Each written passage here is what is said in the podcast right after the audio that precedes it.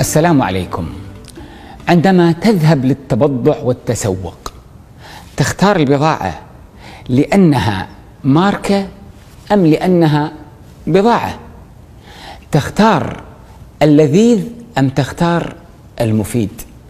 تختار الحاجات أم تختار المميزات؟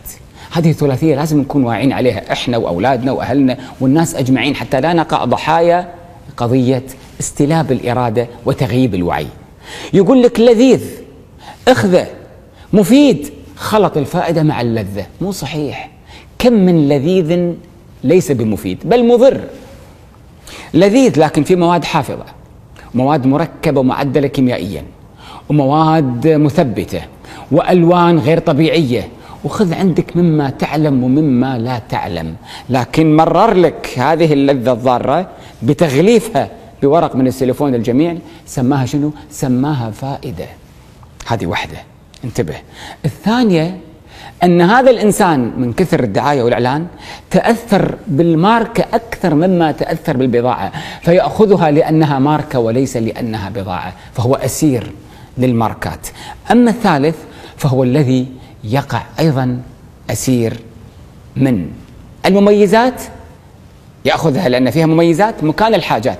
ياخذ جهاز الكتروني يقول لك فيه 100 مميزة لكن لا يحتاج ولا ميزة إلا 10 أو خمسة من هذه الميزات. بينما هو يحتاج هذا الجهاز لفائدة معينة لحاجة معينة. اذا إحلال اللذة مكان الفائدة إحلال المميزات مكان الحاجات إحلال الماركة مكان البضاعة. هكذا يلعبون عليك وعلي وعلى الناس جميعا فتقع في الديون والاستهلاك وإنفاق أموالك في غير محلها الصحيح. لذلك الإمام الرازي ألف الإمام الرازي آه، القرن السادس الهجري فخر الدين الرازي ألف كتابا سماه أقسام اللذات وقسم اللذات إلى ثلاثة اللذة الجسمانية والجسدية واللذة العقلية واللذة الوهمية.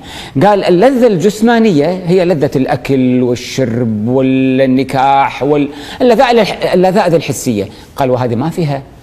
يعني علو كعب للإنسان ورقي بهذه اللذات. لأن الحيوان أصلا ينفق ويمارس اللذات هذه أحيانا أكثر من الإنسان. اللذة الثانية هي اللذة الوهمية لذة القيادة. لذة المنصب لذة الرئاسة. ليش سماها وهمية؟ لأنه يجد ذاته في هذا المكان أكثر مما يجد ذاته في الإنجاز. اللذة الوهمية ليش سماها وهمية؟ لأن إذا انقلبت عليك لا أحد سائل فيك إن لم تتجرع يعني ألمها. فكثيرا من المناصب إذا راحت منك تأتيك إما الضربات إما الإهمال إما الإدانة وتحميلك ما لا تحتمل. لذلك قالوا لا تكن رأسا فإن الرأس كثير الأذى. بقى ما هي اللذة المطلوبة كما يقول الإمام الرازي؟ هي اللذة الروحية وهي لذة القيم لذة المعاني العليا لذة الأخلاق لذة الوفاء لذة الصدق لذة إنقاذ الآخرين لذة يد العون للمحتاجين لذة إرشاد الآخرين إلى الطريق الصحيح. هذه المعاني الكبرى هو التي يحقق الإنسان فيها سعادته ولذته الحقيقية. شكر الله لكم.